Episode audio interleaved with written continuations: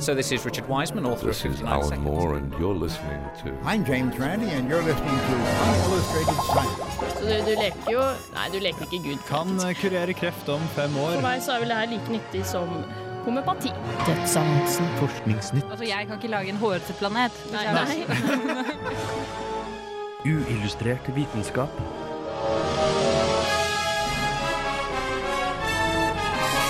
Science, it works, bitches. Ingen liker å bli lurt. Det er navnet på en ny aksjon fra Human-Etisk Forbund. Hva den går ut på, får du høre i dagens sending, der vi også skal ta for oss popkulturell vitenskapsformidling, zombiemaur, jedier og litt film.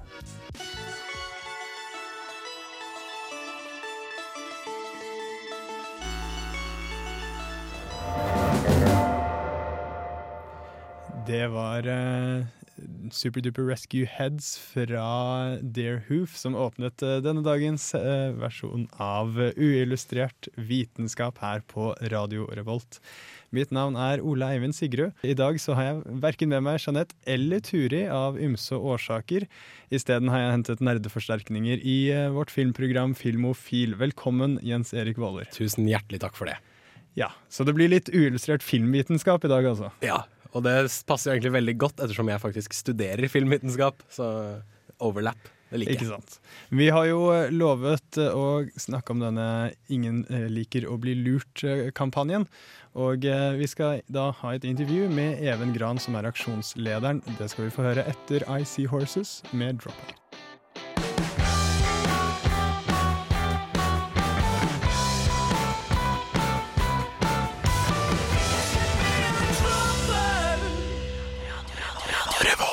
For to uker siden nevnte vi at selveste James Randi kommer til Trondheim i forbindelse med Human-Etisk Forbunds aksjon Ingen liker å bli lurt. For å høre litt mer om hva dette dreier seg om, har vi nå fått besøk av aksjonsleder Even Gran. Velkommen til Uillustrert vitenskap. Tusen takk. Så hva er Ingen liker å bli lurt?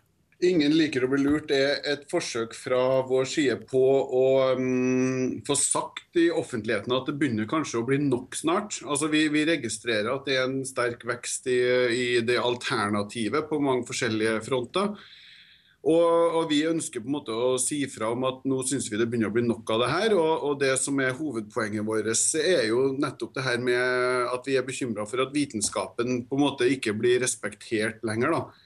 Altså det som er det mest skremmende vi hører i dag, det er når man får høre at vitenskapen det er bare en mening blant eh, andre meninger, og forskere mener sånn, men jeg mener det her, og det er liksom da like tungt. og Man får ofte høre sånn ja, ja, det er din sannhet, men jeg har min sannhet. Altså den herre vulgære relativismen her har vi ønska å ta et oppgjør med gjennom denne aksjonen.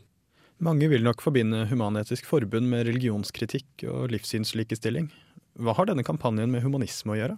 Først har jeg lyst til å si det her med religion. Vi har ikke, I den omgangen her så går vi ikke løs på religion på noe vis. Altså Folk uh, har jo litt sånn oppfatning av at vi er så ekstremt religionskritiske, hvilket vi egentlig ikke er. Men, men altså heller ikke i denne aksjonen her så, så er det religion som er poenget. Religiøs tro må folk gjerne ha. Det som vi er ute etter her, det er når en, en bransje som på en måte kynisk utnytter folks godtroenhet og manglende evne eller vilje til å stille kritiske spørsmål.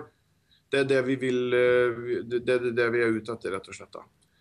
Eh, Når det gjelder det her med hvordan det henger sammen med humanisme, så, så er det jo så er det jo på en måte det sånn, vi, vi tror jo ikke på Gud i humanitets Forbund, det er jo ikke akkurat noe nytt.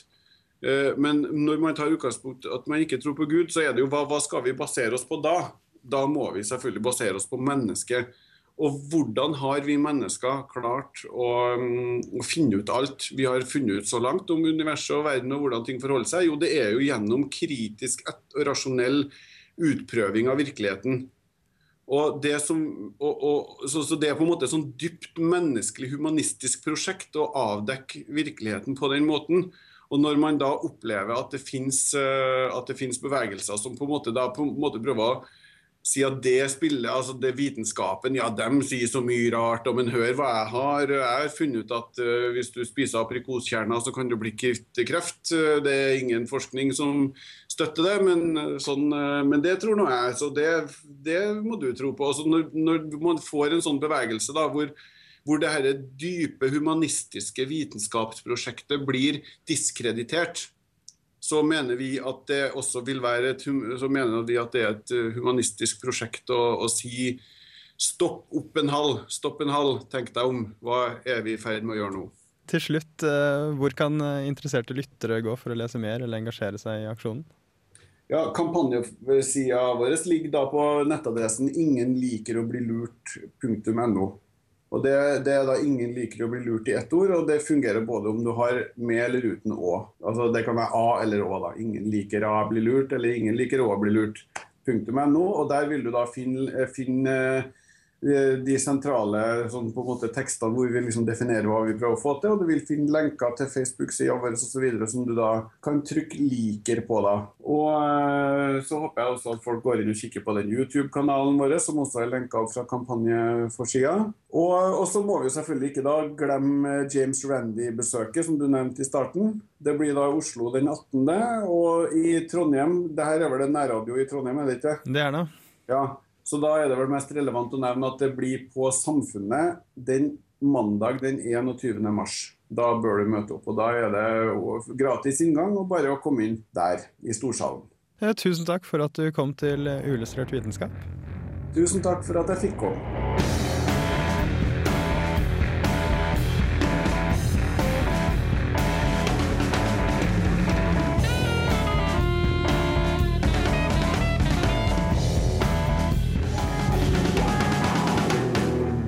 Der drev vi litt eh, kappgang rundt omkring i studio fordi det var powerwalking av Led Bib. Og eh, britiske humanister de har jo også en kampanje. Den, den er jo da riktignok ganske mye kjedeligere enn Ingen liker å bli lurt. Men den er litt sånn i forberedelse til folketellingen i Storbritannia, som skjer i 27. mars. Og den eh, la du litt merke til, Jens Erik. Hvorfor det? Fordi, eh, ja, som sagt, eh, ikke-religiøse i Storbritannia har bestemt seg nå for å be alle som eh, ser på seg selv som jedi-ridder, altså disse fra Star Wars, om å krysse av at de ikke er religiøse i denne folketellingen. Da. Hvorfor det? De mener at dette kommer til å føre til feil i folketallene i, eh, i Storbritannia. At uh, da kommer det til å se ut som det er flere religiøse i Storbritannia enn det det egentlig er. Ja, fordi det, hele kampanjen går jo ut på hvis du ikke er religiøs, ikke skriv at du er det. Eh, fordi den statistikken er det jo mange som bruker for å vise at eh, religiøse grupper de skal ha en litt sånn større betydning enn ikke-religiøse grupper. Og eh, da hvis du er en jedi, skriv ikke religiøst, du. Men nå er det jo 400 000 som i 2001 skrev at de så på seg selv som jedier. Ja. Så Og det går jo riktignok an å være eh, troende jedi, men jeg tviler på at det er så mange av dem som er det. Det er vel nok veldig mye fanboys som jeg tror har kryssa av. Men eh, det var blant annet eh, grunnleggeren av denne jedi, jediismen i Storbritannia. Han ble jo kastet ut av en eh, Tesco i, for et par år siden fordi han hadde på seg jedi-kappe og, og nektet å ta av seg hetta. Religiøs forfølgelse, altså. Ja, rett og slett. I Storbritannia I i, 2010. Dette kan vi ikke ha nå. Og, eh, Nei, det kan vi absolutt ikke ha av. Han eh, pekte, han sa det at eh, han, jeg gikk forbi en muslimsk kvinne med slør, og dette syns jeg var litt merkelig, mente han. Ja, Men når vi er inne på film, så Jens Erik, du som da studerer filmvitenskap. Yes. Eh, hvordan blir vitenskapen behandlet i film? Som regel ganske dårlig. Det er veldig mye som, eh, som bortforklares med såkalte handwaves. At de bare sier ja, det fungerer sånn og sånn fordi den og den gjør det sånn. Og så ferdig med det. Typ eh, denne flux capacitor fra, fra Back to the Ja, Future-filmene. Hvor Doc Brown sier at this is the flux capacitor. It makes time travel possible. Og det er det. Og så er det vel uh, kanskje også en god del rett og slett dårlig vitenskap i ganske mange filmer, som, der de ikke prøver å forklare det, egentlig. De bare tar helt feil. Ja, egentlig. Og øh, veldig mye hvor de bare kaster ut litt vitenskapelige ord og håper på at det, det, det gir mening. Blant annet i øh, sci-fi-filmen Highlander The Source, hvor øh, diverse planeter begynner å skifte seg ut fra banene sine og skal settes i en slags en kosmisk linjering. Og en karakter bortforklarer det ved å si at that could be just be orbital wobble. Som visstnok er et begrep, men som ikke er det, da. Hvis man ikke skal nevne The Core, så må vel egentlig favoritten eh, min være Superman, som eh, skrur tiden tilbake ved å snurre rundt jorden i feil retning. Et klassisk eksempel. Ja. Eh, det vil jo bare ikke funke. Nei. Men eh, hva med å få inn litt sånn god vitenskap inn i film? Vil det ha noe for seg? Ja, det vil jo det. Det har blitt laget veldig mye interessante filmer eh, ved å prøve å være så, ha så, bruke så mye, mye hard science som overhodet mulig. Blant annet tidsreisefilmen Primer, som prøver å følge alle slags uh, lover, om du vil, om, eh, om tidsreiser. Og det er jo et uh, Som sagt, det er en interessant film, men det er jo et veldig rotete handling i filmen. Den som er veldig vanskelig å følge. Den skaper lett hodepine, og i hvert Ja. fall hodebry. Men, eh, men man trenger vel ikke lage en forferdelig forvirrende film eh, bare fordi man benytter seg av god vitenskap? Nei, man gjør jo ikke det. Det har blitt laget veldig mye uh, bra greier som er sånn halvveis basert i litt vitenskap. Uh, blant annet uh, Joss Whedons Firefly-serie velger å ikke bruke lyd i verdensrommet. Et grep jeg løftet armene over hodet og ropte av stor glede over at han tok i bruk. Ja, det gjorde jeg òg. Jeg ble også veldig happy da jeg gikk på kino og så Star Trek, og så i den første scenen ute i verdensrommet, når han karen blir sugd ut i verdensrommet, så plutselig er det stille. Mm. Det var fantastisk. Men eh, fortsatte de med det i resten av filmen? Nei. Nei, det gjorde de ikke. Men det er et konkret bevis på at eh, god vitenskap kan gjøre i hvert fall en scene ekstra kul. Eh, vi kommer jo til å snakke mer om eh, popkulturell vitenskapsformidling, men eh, Jeanette hun har jo blitt syk, og eh, hva er vel bedre å da hilse til henne? God bedring, eh, Jeanette. Eh, nå skal vi få høre 'Princess of the Universe' av Queen.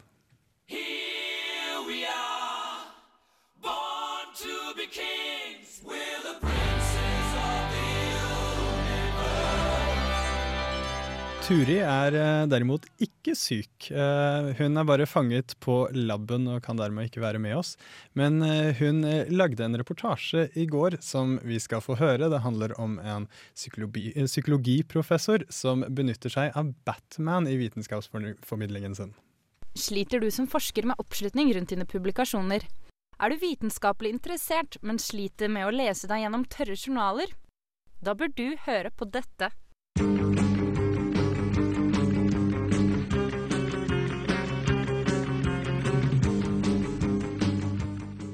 2008 kom publikumssuksessen The Dark Knight på kino.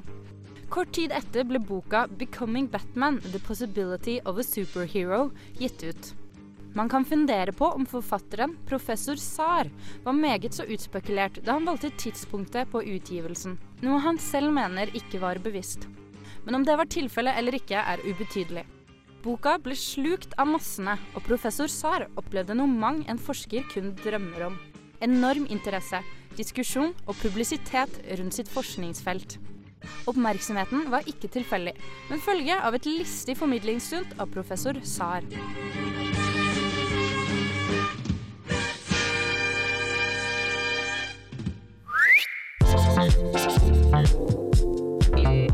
Det Saar gjorde, var å servere vitenskap svøpt i en superheltkappe. Forskningen hans innenfor trening, nevrovitenskap og fysiologi tilpasset vår tids meget populære superheltformat. I boka diskuterer SAR fysisk trening og ulike treningsformer, og illustrerer hvordan kroppens fysiologi reagerer på den. Alt med Batman som metafor for ultimata om menneskelig ytelse. Samtidig utforsker og studerer SAR vitenskapelig bakgrunnen og basisen for det fysiologiske underet. Er det mulig å bli som Batman? Ideen å kombinere vitenskap med populærkultur fikk Saar da han så James Kakalios The Physics of Superheroes, en slags tegneseriefysikkbok hvor fysiske begreper forklares ved hjelp av superhelter og deres superkrefter. Professoren fikk deretter erfaring fra å undervise studentene ved University of Victoria i Canada. Han oppdaget at studentene lettere forsto lesningen når han knyttet stoffet til populære fenomener. Denne uken, i forkant av neste Batman-film, ga professoren ut enda en publikasjon. Et slags erfaringsskriv hvor han tar for seg både de positive og negative aspektene ved en vitenskapelig utgivelse i et populærkulturelt format. Men har Saar misbrukt Batman som ikon? Professor Saar forklarer at å bruke et ikon som Batman til å fremme hans forskning kan bli misforstått, trivialisert og utfordret. Å jobbe med et populærikon kan være bra og dårlig, på den måten at det øker forståelsen andre har, men òg kan bety at du endrer folks oppfatning, noe de muligens ikke ønsker. Professor Saar er alt i alt meget fornøyd med erfaringen, og har mottatt i overkant gode tilbakemeldinger. Han anbefaler derfor alle forskere og professorer å bruke tid og arbeid på en slik sammenslåing av vitenskap og populærfenomener. Rett og slett fordi det letter forståelsen og øker oppslutningen og interessen rundt det man ønsker å formidle. Allerede i løpet av sommeren kommer han med en slags etterfølger til den første boka si, 'Inventing Iron Man, The Possibility of a Human Machine'.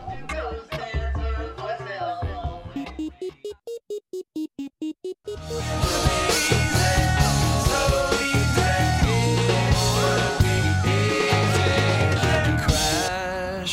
C2 Crash av eh, Cake her på uillustrert vitenskap på Radio Revolt.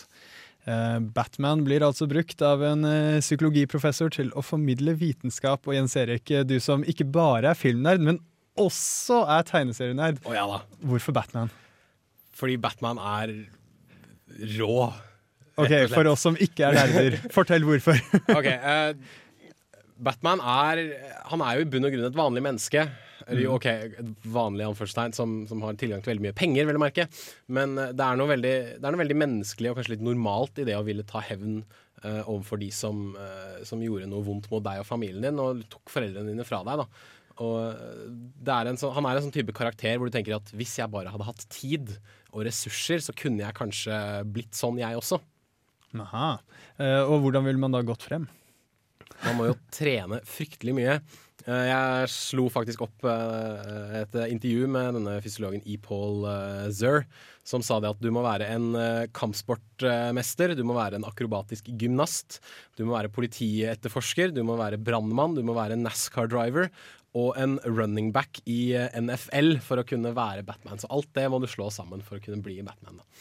Og eh, det, det han kommer fram til at det tok ca. 15 til 10 år med fysisk trening og ikke minst psykologisk trening. For det er veldig mye stress, eh, stressende situasjoner Batman havner i når han slåss mot eh, både vanlige og superskurker. Ja, Det kan jeg tenke meg. Eh, Jeg leste også at samme forfatter nå er i gang med en bok basert på Iron Man. Da blir det kanskje der teknologi møter fysiologi, kanskje. Fordi den boken her fokuserte veldig mye på fysiologi. Mm. Um, og da du nevnte um, dette med hevnfølelser osv., så, videre, så tenkte jeg her burde man jo skrive en uh, The Feelings of Superheroes, eller The Psychology of Superheroes. Uh, ikke at det kanskje fenger like, uh, like bra i tittelen som uh, The Physics of Superheroes, men Jeg tror det kunne blitt en veldig interessant bok å lese, for nesten ingen superhelter er spesielt glade. Ingen superhelter har det spesielt morsomt. Spiderman er veldig deprimert fordi han fortsatt føler skyldfølelse for onkelens død. Batman er veldig mørk uh, hele tiden. Uh, uh, Bruce Banner, han som blir The Hulk, er jo aldri fornøyd fordi han blir The Hulk. Og Ben Grimm fra Fantastic Four ser ut som et stort steinmonster. Han blir aldri fornøyd fordi han blir ikke menneske igjen. Og de fleste superhelter har det ikke spesielt moro. Freud kunne kost seg med tegneserier. Så altså. absolutt. Men det å bruke popkulturelle ja, elementer til å forklare vitenskap, det uh, syns jeg egentlig er en veldig god idé. Man har jo hatt uh, mange andre, bl.a. Uh, Lawrence Krauss, som skrev 'Physics of Star Trek', som da bruker Star Trek eh, som utgangspunkt for å forklare god fysikk. Eh, og så har du også Michio Kaku, som eh, har skrevet eh, 'Physics of the Impossible'. Der eh, på forsiden så er det da bilde av en TARDIS som går gjennom et ormehull. eh, og kommer ut på den andre siden av et ormehull. Eh, så der er det også ganske mange sånn nerdereferanser, sci-fi. Og du som da Ja, du er jo for så vidt vitenskapsinteressert, men du er ikke helt vitenskapsnerd. Nei, ikke, ikke i like stor grad som jeg er film og alt mulig. ville du plukket opp en sånn bok? Ja, det tror jeg. Eh, det fins jo blant annet også en bok som heter eh, The Government Guide to Superheroes, hvor du har veldig mye av disse samme tingene. At eh, det blir forklart på en måte hvordan, hvordan disse kreftene dine som regel kommer til å fungere, bieffekter osv. Hva du må gjøre for å skaffe deg kostyme, skaffe deg en identitet og sånne ting. Og enhver bok med en TARDIS som går gjennom et ormehull, jeg er solgt med en gang. Og hvem er ikke det?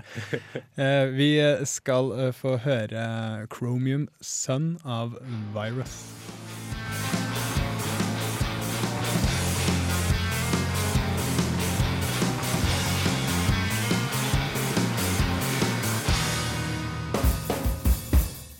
Hey, Uh, nice. the compression and expansion of the longitudinal waves caused the erratic oscillation, you can see it there, of the neighboring particles.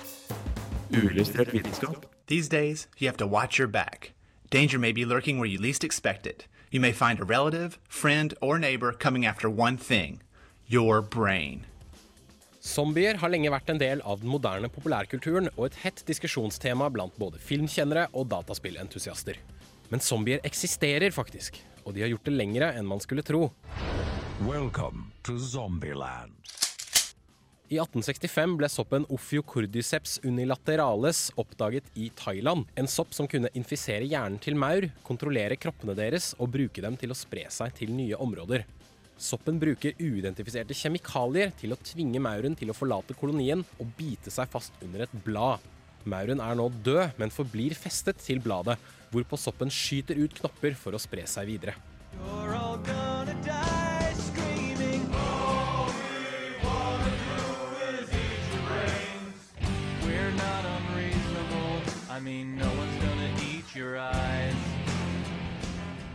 Det har nå blitt oppdaget hele fire nye arter sopp som gjør akkurat dette, og hver sopp har spesialisert seg på å manipulere en viss type maur.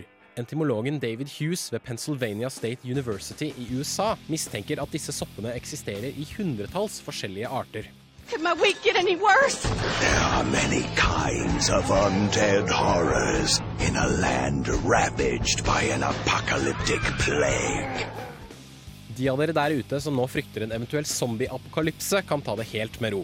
Disse soppartene infiserer kun maur, og disse maurene forblir døde idet soppen forlater maurens kropp.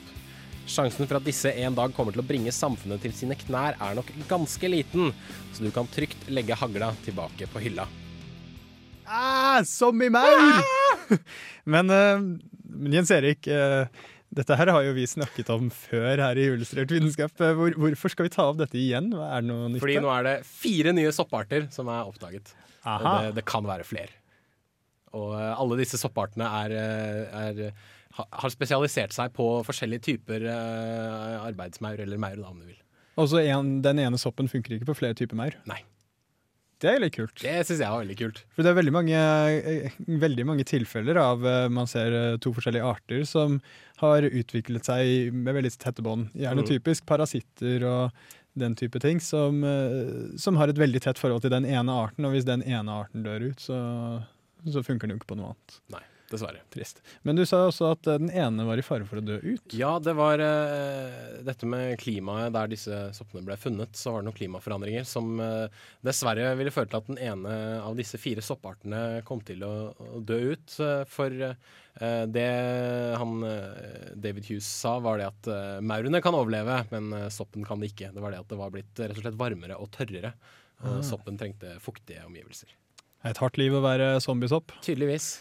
Men når vi først har snakket om Jedier og Batman, så, så kan vi vel ikke holde oss for gode til å ikke snakke om eh, Zombier. zombier også. og det er jo faktisk noen som har skrevet litt mer populærvitenskapelige bøker om det òg. Det stemmer det. Det er en forfatter som heter Max Brooks. Som faktisk er sønn av eh, komiker Mel Brooks, som trivia. eh, som skrev The Zombie Survival Guide for et par år siden. Og prøver å gå så vitenskapelig som mulig til verks eh, på å forklare zombier, forklare måten de oppfører seg på, og hvordan, hvordan de blir infisert, gjerne av et virus som, som gjør dem til, til zombier. Og hvis man da opplever å plutselig være i midten av en zombie-apocalypse, hva Ja. bør man gjøre? Eh, aller først så burde du finne deg et, eh, et eh, godt våpen du kan bruke. Det anbefales enten en machete hvis du skal ha noe knivaktig, eller et brekkjern hvis du skal ha noe du skal slå ting med. Du må pakke lett, men du må selvfølgelig ha nok til å kunne overleve. Så mat, vann, sånne ting. Du må ikke kjøre bil, du må faktisk sykle. For da holder du deg selv i form i tillegg.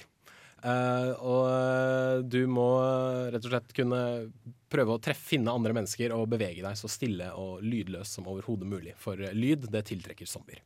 Aha. Eh, men eh, han er jo faktisk ikke den eneste som har tatt en litt mer sånn seriøs titt på zombier. Du har en eh, matematiker som eh, også publiserte han, han hadde jo et studie om sykdomsutspredelse, egentlig, men fant ut at dette blir jo mye mer spennende hvis vi da sier at sykdommen er zombier. Eh, og etter det så har han gått videre og forsket eh, på statistisk vis eh, og ut ifra sånn ekte sykdommer og virus osv. på hva man bør gjøre i en zombie-apocalypse. Og det, det er veldig interessant, det. Også. Da skal jeg finne fram, den, finne fram til den der. Ja.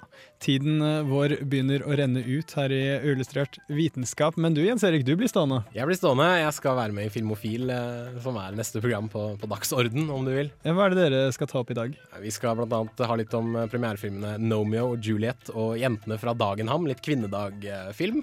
Og ellers blir det jo filmnyheter og litt nerdestoff og litt filmlåter og litt, litt andre gode ting. Vi burde kanskje spilt nerdealarm-lyden deres i dette programmet òg, men det glemte vi. Det glemte vi, men dere får høre den eh, etterpå. Men tusen takk for at du ble med i dagens sending. Tusen takk for at jeg fikk komme. Og eh, vår tekniker har vært eh, Bendik Bolme. Mitt navn er Ole Eivind Sigrud, og du har lyttet til Uillustrert filmvitenskap.